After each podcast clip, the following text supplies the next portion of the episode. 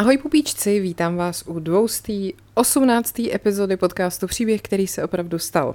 Já jsem Markéta, už jsem se vrátila konečně ze všech cest, tak tady za teďka chvíli budu a budu moc nahrávat epizody normálně, nebudu muset přetáčet a tak dále, ono je to vždycky náročný, takhle to mám radši a eh, ale ještě stále jsou prázdniny, takže ještě stále pokračuju v prázdninových cyklech a Vlastně teď nám zbývá z těch mých jako dílů o temné turistice ještě jedna taková dovolenková destinace a to je Itálie.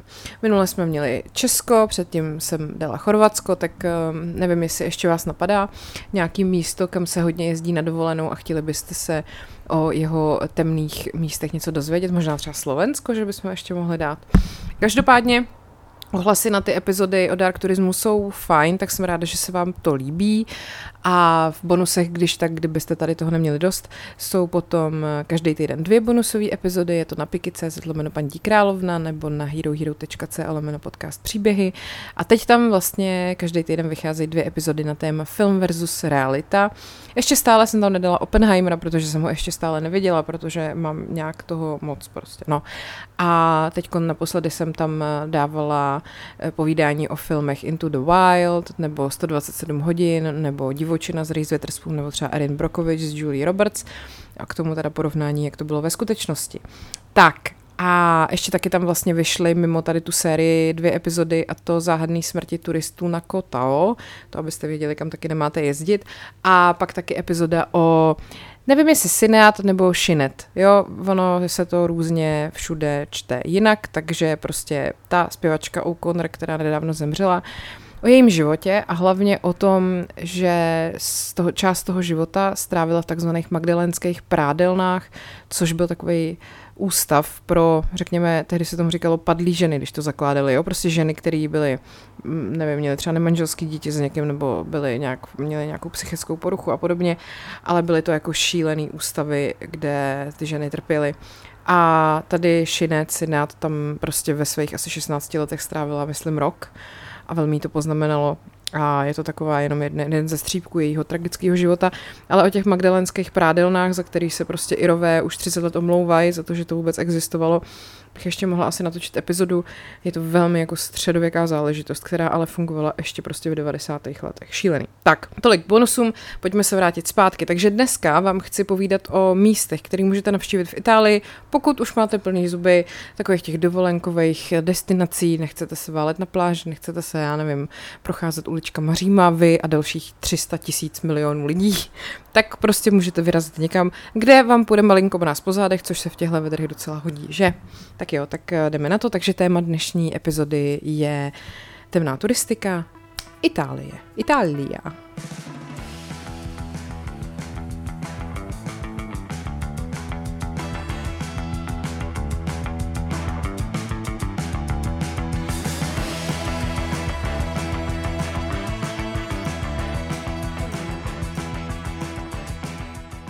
Tak a jako první tu máme kapucínský katakomby.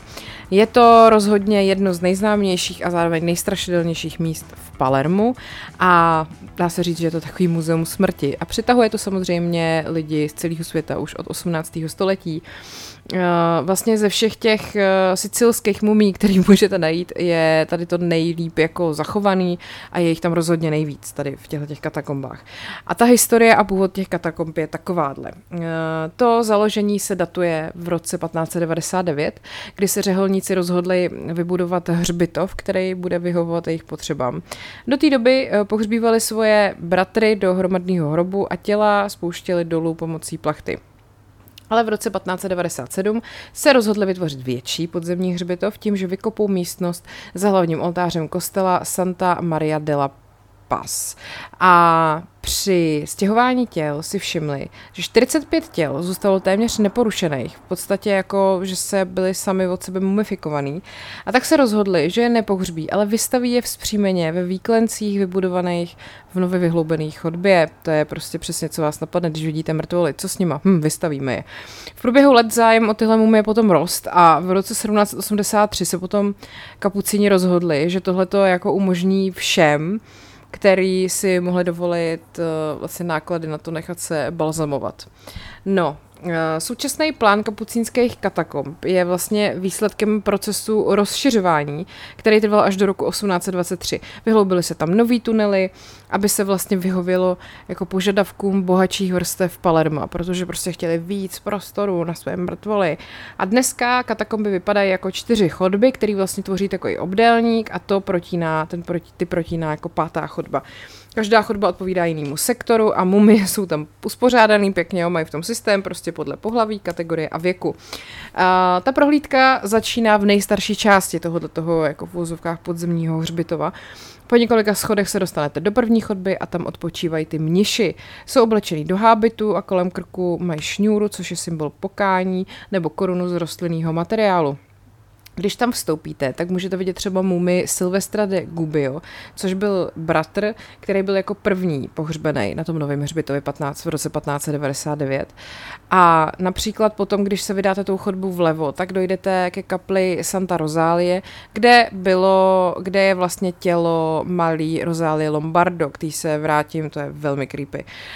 Když necháte za sebou tyhle ty vstupní dveře a potom vstoupíte do takzvané pánské chodby, neboli chodby prelátů, nebo no, tak uh, ta se kříží právě s tou, jo, tak to jsem řekla blbě. Já jsem tam nikdy nebyla, takže to mám prostě jenom tak, jak jsme si to našli, prosím vás. Uh, chodba prelátů, tak. Uh, ty se od kapucínů uh, zřetelně odlišují bohatým kněžským rouchem a taky se tam nachází tělo Giovanniho Paternityho, což byl americký vícekonzul, který byl pohřbený až v roce 1911 a do dneška má jako hustý knír na sobě, ještě stále, chápete? A část téhle chodby eh, je potom vyhrazená dětem. Ty byly oblečený do čepiček a čepečků a dvě z nich jsou dokonce jako posazený na židli. Takže hele, vzvažte, jestli tam půjdete, pokud máte děti, chápu, že to nebude hezký pohled. Tak, mm, eh, když se potom vrátíte do té takzvaně mužské chodby, tak tam najdete jednu z nejznámějších mumí v těch kapucínských katakombách a to je třeba i Antonino Prestigiacomo, který zemřel v roce 1844 a před vystavením uh, byl nějakým způsobem ošetřený. Má takový načervenalý odstín a i takový jako skleněný oči a mm, pak je tam vedle něj taková mumie, který se říká obr. No, pak tam máme ženskou chodbu. Uh, ty ženy samozřejmě mají jako zajímavější oblečení na sobě, takže to víc vypovídá o nějakém životním stylu a modě té doby. Ty mrtvoly mají na sobě fakt třeba jako hedvábný nebo barevný jako francouzský šaty a e, jsou tam jako neprovdaný ženy. Ty obvykle leží na zádech a dají se poznat podle kovových korunek nebo palmových ratolestí. A e, v truhle tam leží Angela Lojakon, Lojakon, já nevím, jak se to čte. Je to dívka, která zemřela v roce 1876 a má u sebe i fotku z doby, kdy ještě žila. Taky tam třeba jsou v bílých šatech ženy, které zemřely před svojí svatbou. To je v kapeli ukřižování. Pak tu máme chodbu profesorů. A tam se tímhle termínem označoval každý, kdo měl zvláštní odborné znalosti v určitých oborech nebo praktických činnostech, takže se tam nacházejí mumy lékařů, právníků, malířů, důstojníků a vojáků. A mezi nejznámějším patří mumie sochaře Filipa Penína, žáka Lorenza Marabityho. A pak je tam taky mumie chirurga Salvatora Manzeli, který má jako bílý roucho samozřejmě. A pak jsou tam taky mumie malířů a přijde mi to děsivý, jenom prostě o tom mluvím. Tak. Pak, jaký byly vlastně ty techniky toho balzamování těch mumí? V těch kapucínských katakombách je celkem 1284 mumí, asi, plus mumie v 665 rakvích nebo urnách. Um, mnohý z těchto těl jsou výsledkem přirozeného procesu vysoušení. O tom už jsem mluvila minule, uh, když jsem mluvila o těch uh, katakombách u nás. Ale pak jsou tam samozřejmě i mumie, které vznikly v úvozovkách jako umělýma technikama, které byly rozšířené hlavně od 19. století. Ta přirozená mumifikace je proces, který je založený na vysušování toho těla, že jo, aby se zabránilo růstu bakterií a rozkladu. A, a tahle technika začala být populární mezi francouzskými a anglickými panovníkama ve 12. století a pak se rozšířila po celé Evropě. Byla nejdřív používaná k uchování těl mnichů, a potom pokračovala prostě dál i v jiných jako oblastech, než jen v klášterech. Těla se ukládaly ve vodorovné poloze do podzemních místností, které se jmenovaly kolatoj. A tam se nechali přibližně rok. Prostě to tak jako zvětralo vlastně, ne? To je takový podle mě termín, který to docela vystihuje. Pak to vynesli na vzduch, očistili octem, pak teda je oblíkli do nejlepších šatů a uložili do výklenku, který pro ně byl vyhrazený. Mňam. No, pak tu máme tu umělou mumifikaci. Ta vznikla kolem 17. století, koncem 17. století a to vlastně začalo kvůli tomu, že se začaly šířit různé jako metody, jak uchovávat různé části lidského těla pro studium. A tahle metoda se používala taky při ošetřování mrtvol, který byly ponořený do konzervačních tekutin, které měly jako různé dezinfekční a vysoušecí účinky. A potom se začaly používat i takový různý injekce různých balzamovacích roztoků. A v roce 1835 zveřejnil palermský lékař Giuseppe Tranchina metodu, kterou vyvinul a která byla teda nejpoužívanější. A prosím vás, byla založena na jednoduchý jako injekci vodného nebo alkoholového roztoku deutoxidu arzenitýho a deutosulfidu rtuťnatýho do krční tepny. Jo? A Další významnou osobností v historii konzervace těl v Palermu byl Alfredo Salafia. Uh, to byl takový ten klasický, prostě klasický taxidermista, prostě vycpávač a balzamovač, působící v první čtvrtině 20. století. A ten vyvinul vlastní metodu, která ale zůstala až do roku 2007 neznámá. A v tom samém roce odborník Dario Piombino Mascali zjistil, že tahle technika spočívala v tom, že uh, prostě už nepoužívá nějaký roztoky, které obsahují deriváty rtuti a arzenu, ale nějaký méně toxický roztoky. No a pak tam máme právě tu nejznámější mumii v těch kapucínských katakombách, takzvaná šípková růženka z Palerma, neboli mumie Rosálie Lombardo. Je to holčička, která se narodila v roce 1918 a vlastně hned za dva roky zemřela na zápal plic. A ta malá Rozália je jednou z posledních, který byli pohřbený na tom kapucínském hřbitově. Jednou vlastně její tělo je jedním ze tří těl v katakombách, který právě připravil ten Alfredo Salafia. Další dvě těla jsou těla jeho bratra Ernesta a amerického vícekonzula Giovanni, Giovanniho Paternitého, jak jsem říkala, ten s tím knírem. Uh, výsledky té metody, kterou ten Salafia zaved, jsou patrný na těch tělech až do dneška, jo, protože ta uh, Rozália má furt jako dlouhý řasy, takový fakt jako hezký tvář, v úzovkách hezký tvářičky, jo, má prostě vlasy normálně a to. Takže se jí taky říká nejkrásnější mumie na světě, nebo právě šípková růženka z Palerma, no. Tak eh, kdybyste prostě neměli co dělat, byli na Sicílii, tak se můžete jít podívat na mrtvoly. tak, eh, pojďme se podívat na další místo a to si myslím, že není vůbec jako vám neznámý a to jsou Pompeje. Tam jsem bohužel taky ještě nikdy nebyla, takže opět mluvím tak, jak jsem si to přečetla. Eh, samozřejmě, když jste tam byli, tak ten zážitek byl taky asi trošku jiný a lepší hold. Prostě nestíhám všechno, no. Um, Pompeje se rozkládaly na pobřeží Itálie, eh, ve stínu teda aktivní sopky Vezuv. A ta její nejslavnější erupce se odehrála v roce 79 našeho letopočtu a načež teda ta sopka, že ho pohřbila Pompeje, pod uh, obrovským množstvím toho sopečného popela. Ten prach uh, se rozléval po zemi jako povodeň, napsal jeden ze svědků, a zahalil město do tmy, podobné černí zavřených a neosvětlených místností.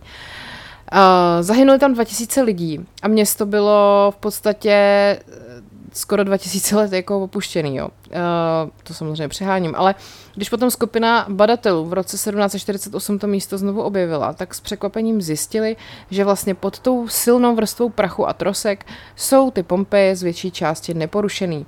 Budovy, artefakty a kostry, které tam zůstaly, vlastně poskytly spoustu informací o každodenním životě v tom starověkém světě. Je to prostě fakt, když byste těm lidem udělali štronzo a nechali je takhle jako skoro 2000 let. Je to strašně, strašně hustý teda. Tak, Pompeje jsou teda na západním pobřeží Itálie, podél uh, břehu Neapolského zálivu, jižně od uh, Neapoli a starověcí řečtí osadníci učinili Pompeje součástí helenistické sféry v 8, v 8. století před naším letopočtem. Uh, tohleto mm, město se potom ve druhém století dostalo pod vliv Říma a nakonec vlastně uh, se tam často jako uchylovali různý bohatý rekreanti z Říma, který si vychutnávali to pobřeží té kampány. Jo? Takže prostě Pompeje byly taková dovolenková, taková dovolenková oblast eh, pro bohatý, jako dneska třeba Santropé. A na přelomu prvního a druhého století byly Pompeje jako fakt nádherný letovisko pro opravdu ty nejbohatší občany římské říše. Byly tam dlážděné ulice, elegantní domy, krásné vily, různý prostě umělecký díla, třpetivý fontány, prostě nádhera. No a je fakt, že velká část toho bohatství města vlastně pocházela z té sopečné půdy, jo, protože se tam pěstovaly olivy, vina, réva, spousta dalších plodin a vlastně víno z Pompejí se prodávalo v nejmodnějších římských domech. No a vlastně ty turisti, měšťani i otroci se pohybovali v různých jako malých továrnách, řemeslných dílnách, tavernách, kavárnách, nevěstincích, lázních a byla tam taky samozřejmě aréna pro 20 tisíc lidí, kde se schromažďovali lidi jako diváci a, a tak dále a tak dále. No a v předvečer uh, té osudné erupce žilo podle odhadu vědců v Pompejích asi 12 tisíc lidí a téměř stejný počet i v okolí. Uh, No a teda Vesuv eh, jako patří pořád mezi nejnebezpečnější sopky na světě, mimochodem. Eh, odborníci se domnívají, že vlastně k nějaký katastrofické erupci brzy opět dojde, ačkoliv on teda od roku 40, 1944 nevybuchnul. A to by samozřejmě byla strašná katastrofa, protože v okruhu 20 mil od kráteru té sopky žijou téměř 3 miliony lidí. Každopádně, uh, Vesuv uh, samozřejmě nevznikl přes noc, je to součást kampanského sopečného oblouku a vlastně někdy kolem roku 95 před naším letopočtem byla už silná erupce uh, a vystřelilo to lávu a popel až 22 kilometrů k nebi. Ale vlastně tato katastrofa jakoby není tak známá, protože to nezachovalo nic, jenom to strašně poničilo eh, téměř všechny vesnice, domy a farmy v okruhu 15 mil od té hory. A vlastně se to dělo teda ještě někdy jako v době bronzový. No a mm, vlastně ty obyvatelé toho místa si jako zvykli, že je to takovej, že ta sopka je takový nestálej soused a nějak si asi nepřipouštěli, že by jako to mohlo někdy skončit tragicky. Každopádně, eh, když potom eh, vlastně onoho osudného dne Vezuv vybuchnul znovu, tak to nejdřív vyslalo chuchvalec popela, kamení a žhavých sopečných plynů vysoko k obloze, že to fakt lidi mohli vidět až stovky kilometrů daleko. Pilnius mladší, který erupci pozoroval z druhé strany Neapolského zálivu, přirovnal tenhle ten mrak na obvyklé velikosti a vzhledu k borovici, která se vznesla do velké výšky na jakémsi kameni a pak se rozdělila na větve. A dokonce dneska geologové tenhle ten typ sopečného výbuchu označují jako uh, Pilniovskou erupci, takže to pojmenovali. No a když se potom ochladilo, tak se vlastně tahle ta věž těch, jako toho bordelu snesla na zem.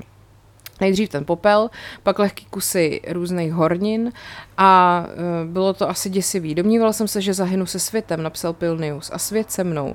No a naštěstí to jako v tu chvíli ještě nebylo smrtící, protože v té chvíli ještě mohli jako ty Pompejani zdrhnout. Měli ještě furt dost času utéct a spousta z nich to udělalo.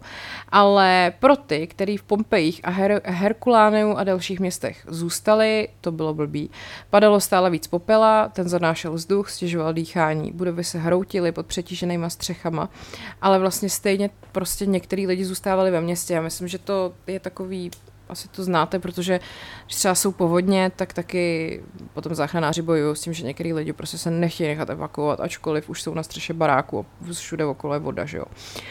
No a následujícího dne ráno se potom z toho svahu hory vyvalil ten proud přehřátýho plynu a prachu z hornin o rychlosti 100 km za hodinu a vlastně jakoby smetl všechno. Pando, neštěkej na to, neštěkej na to auto, neštěkej, neštěkej. A vypařil prostě, teda vypařil, smet prostě všechno a všechny, který mu stály v cestě. Takže když druhý den ta erupce toho Vezuvu skončila, tak Pompeje byly pohřbený pod prostě milionama tun sopečného popela. A některý lidi se pak vraceli do toho města a hledali jako ztracený příbuzný nebo prostě věci, ale už jako nebylo co najít, že jo. A vlastně jak Pompeje, tak Herkuláneum a řada dalších míst v okolí prostě byly totálně jako pohřbený a byly opuštěný. No a jak jsem říkala, zahynulo v asi 2000 Pompejánů a celkově to zabilo asi 16 tisíc lidí celkem v Pompeji, v Herkulánu a dalších městech a vesnicích. No a ty těla mužů, žen, dětí a zvířat byly zmraženy přímo na místě, kam spadly. a vlastně spousta z nich později objevených, nebo jako, Prostě ještě furt, když je pak objevili, tak svírali v rukou různý třeba cený předměty z domácnosti, které si, jak doufali, prostě bezpečně odnesou z toho města, že jo. Některé těla byly nalezený s rukama eh, třeba ovinutýma kolem dětí nebo jiných blízkých. Pak třeba i archeologové objevili sklenice s konzervovaným ovocem bochníky chleba. Většina těch městských budov byla neporušená a na ulicích se stále nacházely předměty denní potřeby nebo různé domácí potřeby. A vlastně takže jakoby v vozovkách štěstí, ne, neštěstí, že ten sopečný popel, který to tam všechno pohřbil, se ukázal být jako výborným konzervantem. Takže prostě vy, když půjdete do Pompeji, tak to můžete všechno vidět na vlastní oči. To, co, jak to tam před uh, skoro dvěma tisíci lety jako bylo, tak takhle je to tam dneska a to je teda velmi, velmi děsivý. Tak, pojďme na další místo, a to si myslím, že není tak jako notoricky známý, a to je Mussoliniho hrobka, prosím vás, jo. Je to teda asi i mimořádně kontroverzní místo, si myslím, protože místo posledního odpočinku italského diktátora Benita Mussoliniho najdete v rodinné kryptě v jeho rodném městě Predapio, jo. A, a i po víc než 70 letech od jeho konce je tam uh, Duče stále téměř nábožensky uctívaný, což je masakr a to v opravdu jako děsivý míře prej. Um, jako některý lidi, kteří tam byli, tak říkají, že kdyby tohle věděli předem, tak tam nejedou. No. Uh, samozřejmě, že to, že ten hrob jako navštívíte, neznamená, že schvalujete nějakou, jako jakýkoliv jako fašismus italský nebo prostě jakoukoliv glorifikaci tohodle. Je to zajímavé to vidět, ale zase chápu, že prostě pro ty místní to možná znamená, když tam člověk půjde, že hele, ty vole, ten taky jako miluje Mussoliniho. No, každopádně. Uh, poté, co byl Mussolini 28. dubna 1945 popravený partizánama a jeho mrtvola byla veřejně vystavená zavěšená hlavou dolů na milánském Piazzale Loreto, Piazzale Loreto. Eh, bylo jeho tělo následně pohřbeno v neoznačeném hrobě na jednom z městských hřbitovů, ale o necelý rok později fašisti zjistili, kde se hrob nachází, tělo znovu vykopali a ukradli. A po několika měsíčním honu na mrtvolu byla potom ta jeho mrtvola znovu nalezena. Ježiš, to je strašný prostě. A potom, když e, ji vlastně úřady našly, tak ji ukrývali na pravidelně se měnících místech, než nakonec souhlasili s tím, že teda ty ostatky navrátí jeho vdově. Jako prostě jako vaše práce po určitý čas ve 20. století v Itálii byla ukrajovat mrtvolu Benita Mussoliniho a jste jako úředník státní, mi to přijde výborný. Uh, nakonec byl teda Duče převezený do rodinné hrobky v tom Predapiu a to byla teda jako by ta posmrtná podsta, kterou vlastně nikdo nechtěl a úplně neočekával. Jestli to byl dobrý nápad, to těžko říct. No. Uh, je to teda velmi kontroverzní místo. Mussoliniho hrob se totiž stal poutním místem, takovým svatostánkem pro ty, uh, vlastně pro ty starý fašisty a nebo nějaký jako neofašisty.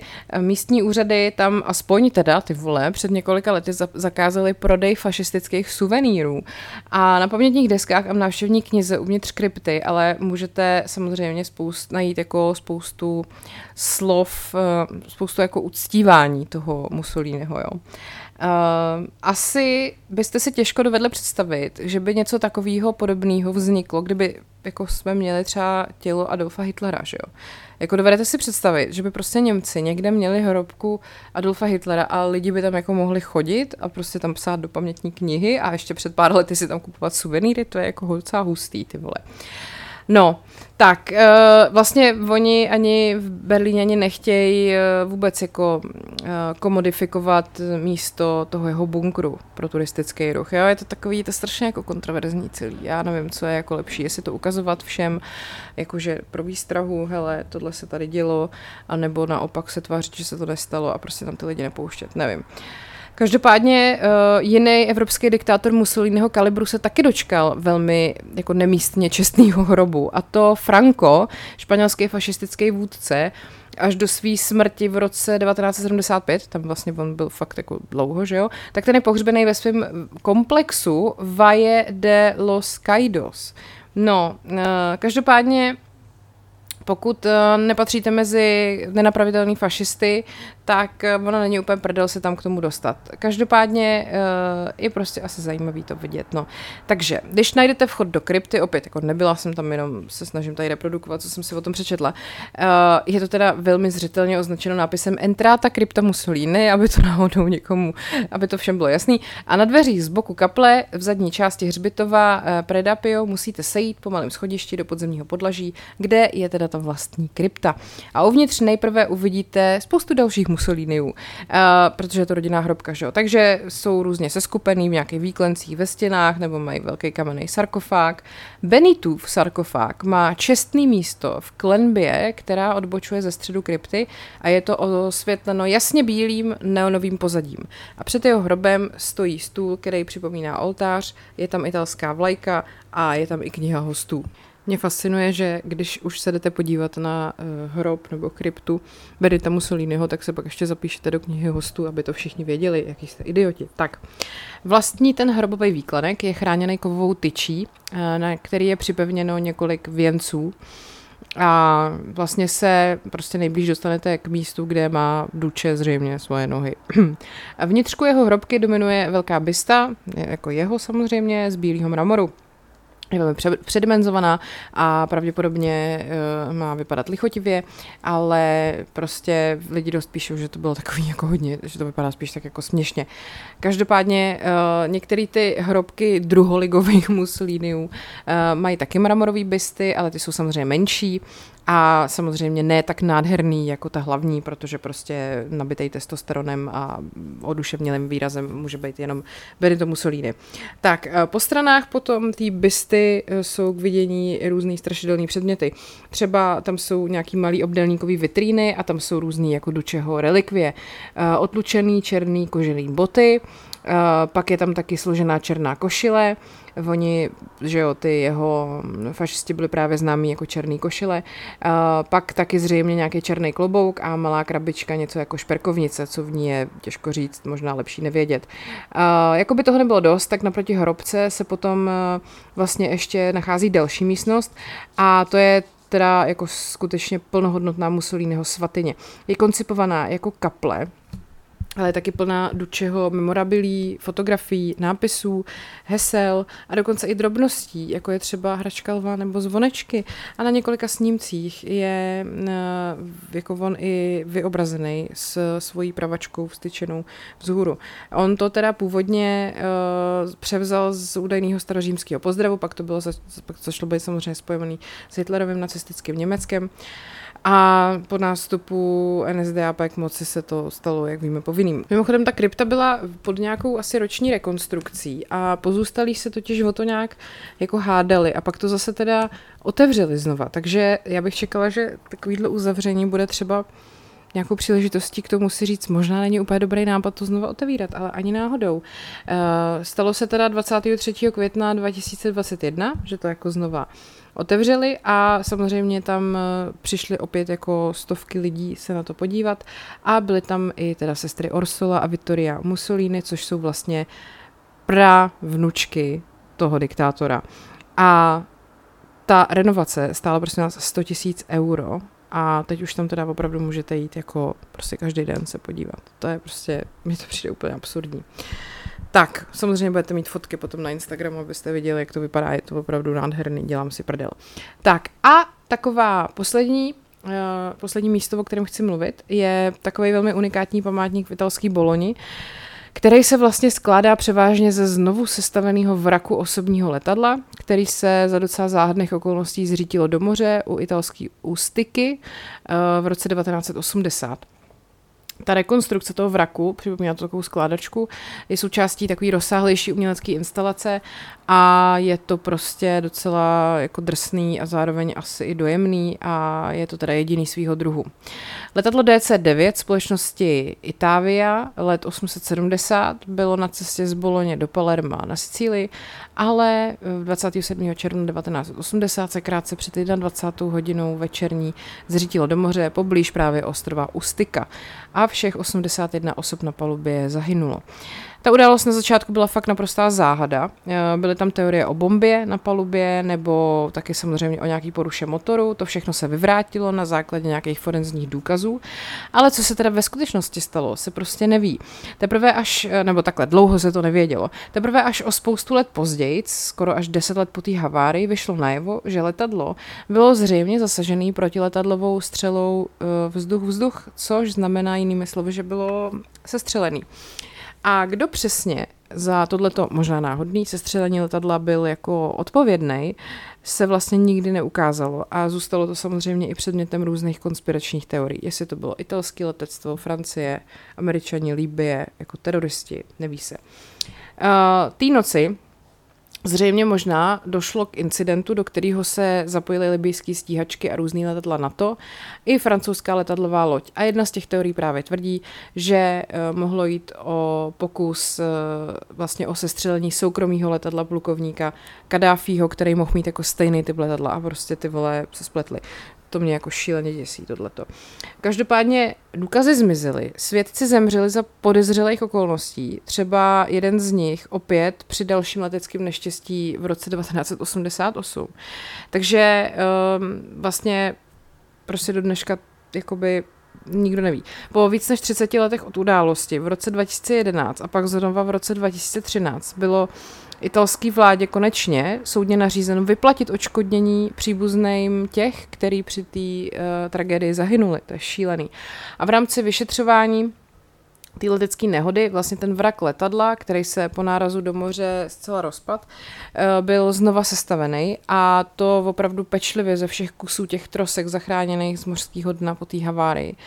A potom teda takhle, ta rekonstrukce nejdřív jako byla mimo zraky veřejnosti, ale potom v roce 2007 byla otevřena ta dnešní expozice v Boloni, která má teda především podobu takový hodně jako pochmurný umělecký instalace. Je to dílo slavného francouzského moderního umělce Kristiana Boltanského a rozhodně to není něco, co vidíte každý den. Uh, oficiální název zní Museo per la Memoria di Ustica a vlastně jako je to samozřejmě temný, ale uh, vlastně není tam úplně tak jako moc toho, co byste se mohli dozvědět, pokud neumíte italsky. Uh, pokud teda hlavně máte vrozený strach z lítání, tak tam nechoďte vůbec. Uh, protože prostě se nechcete setkat tváří v tvář s tím, co vás nejvíc jako děsí, že jo. Ale pokud se teda necháte odradit a téma leteckých nehod vás uh, jako fascinuje, mě to trošku taky fascinuje, tak uh, samozřejmě tohle místo je pro vás jako see. To muzeum se nachází v jedné velké výstavní hale, která vypadá jako takový skladiště. A jakmile projdete dveřma z recepce do hlavního sálu, tak eh, tam prostě vás jako vtáhne, říkají lidi, já tam nebyla, velmi strašidelná a velmi temná atmosféra. Tady tam samozřejmě ten vrak toho letadla. A uh, ono, jak vlastně bylo rozmetaný na kusy, tak opravdu všechny ty kousky, které tam vidíte, byly pečlivě vráceny na svý místo, jak jen to bylo jako možný. Takže to, co tam jako je, je opravdu téměř kompletní letadlo.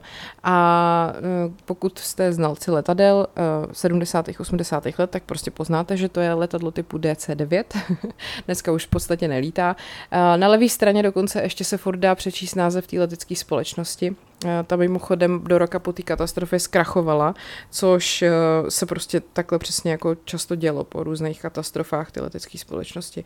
Už jako lidi prostě nechtěli, že jo, takže tak.